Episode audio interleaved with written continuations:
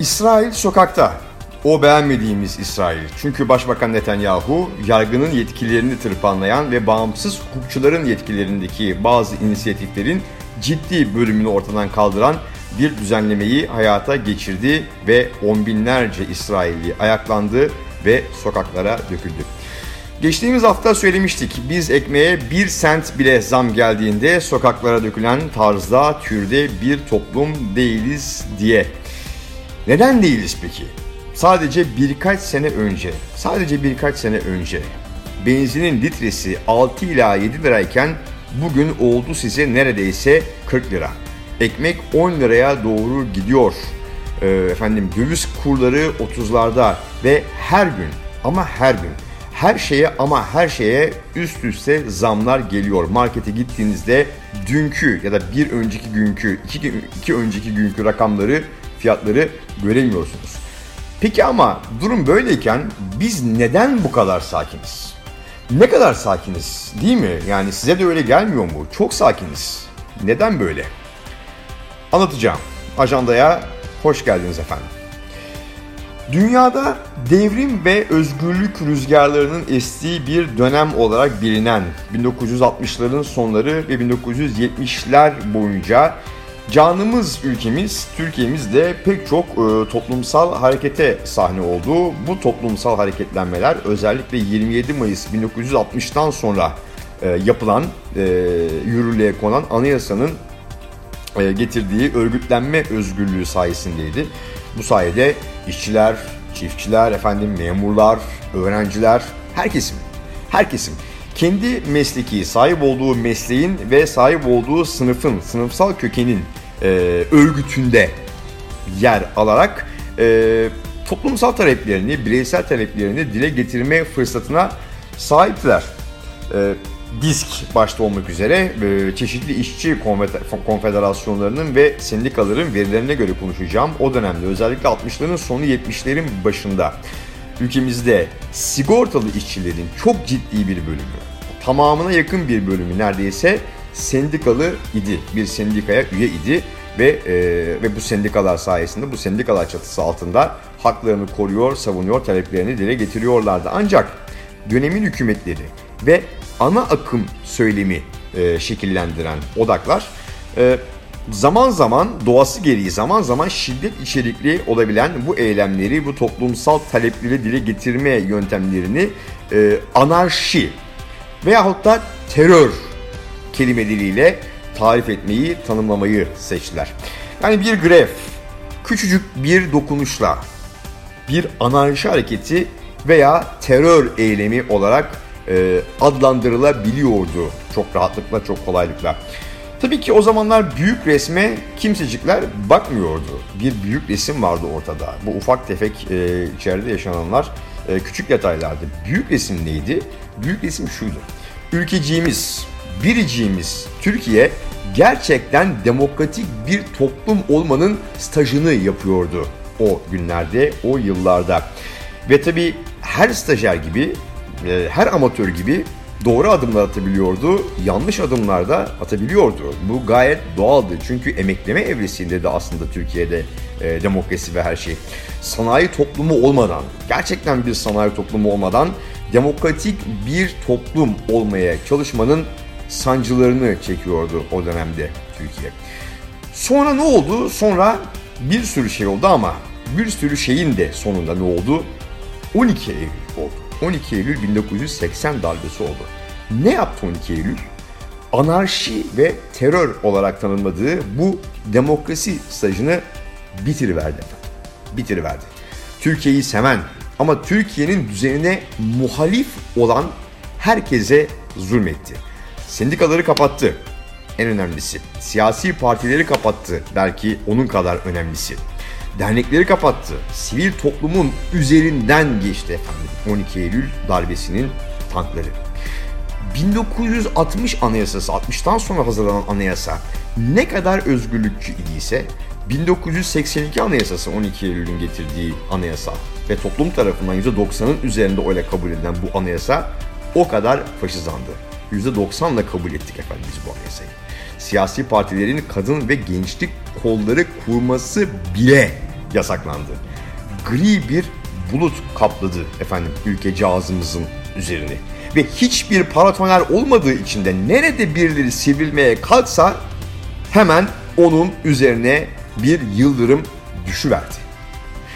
1975-85 arası doğan kent soylu Türklerin çocukluklarında ve gençliklerinde en çok duydukları sözlerin başında şu geliyordu. Aman evladım, etliye sütliye bulaşma. Sakın siyasete karışma, siyasi partilere takılma, siyasi partilere üye olma, çeşitli siyasi derneklere üye olma, ocağa, bucağa, derneğe takılma. Aman evladım, okulunu oku, işine git, evine dön, ertesi gün tekrar işine git, akşam tekrar evine dön, evlen, hemen bir çocuk yap, hemen bir torun ver bize. Bunlarla büyüdü efendim 75-85 arası doğan kuşak büyük çoğunlukla. Yani ne deniyordu? Ot gibi yaşa. Ot gibi yaşa deniyordu. Biz 80 kuşağı bu şekilde gerçekten bir yönüyle, bir boyutuyla e, gerçekten ot gibi yaşadık. Özellikle merkez sağ ve merkez sola yakın orta sınıf kentliler ot gibi büyüdüler gerçekten.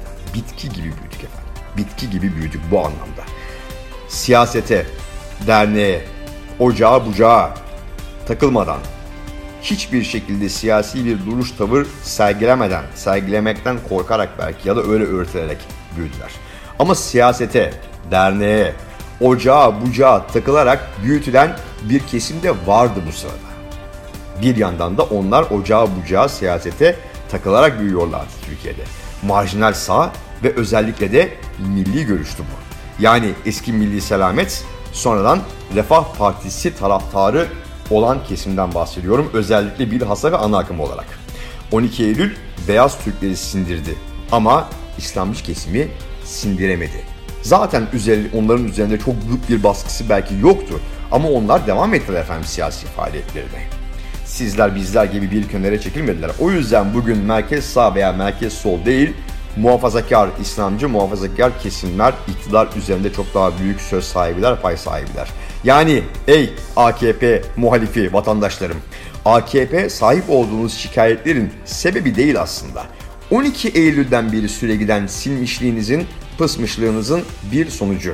Evet, AKP bir sebep değil, bir sonuç. Bunun altını çizmek istiyorum. Özetin de özeti olarak anlattığımız bu süreçte aslında ne oldu dersiniz. Aslında ne oldu? Aslında şu oldu. Tepkisizliği öğrendiniz. Tepkisizliği öğrendik.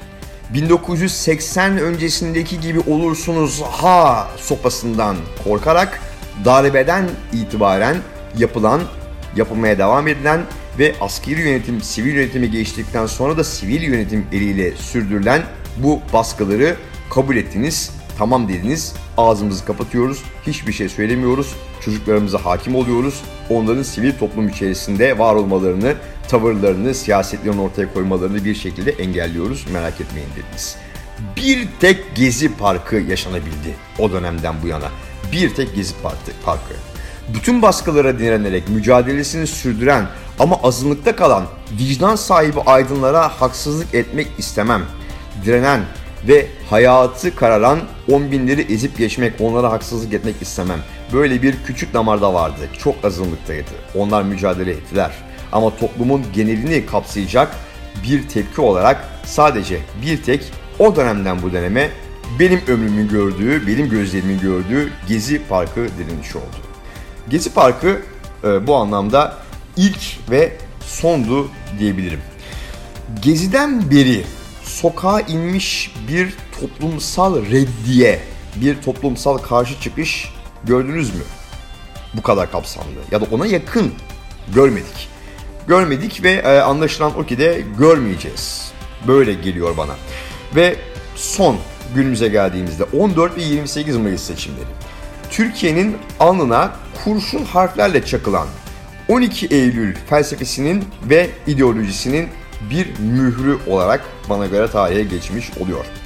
Sandığın ötesinde, bakın sandığın ötesinde tanımı olan toplumsal tabana yayılmış, toplumun bütün kesimlerine yayılmış bir e, demokrasi için e, Cancağızımız Türkiye'nin 1960'tan beri devam eden serüveni aslında 150 yıldır devam eden ama 1960'tan itibaren hareketlenen, enerjikleşen bu serüveni daha ergenliğine bile erişemeden böylelikle ezildi gitti.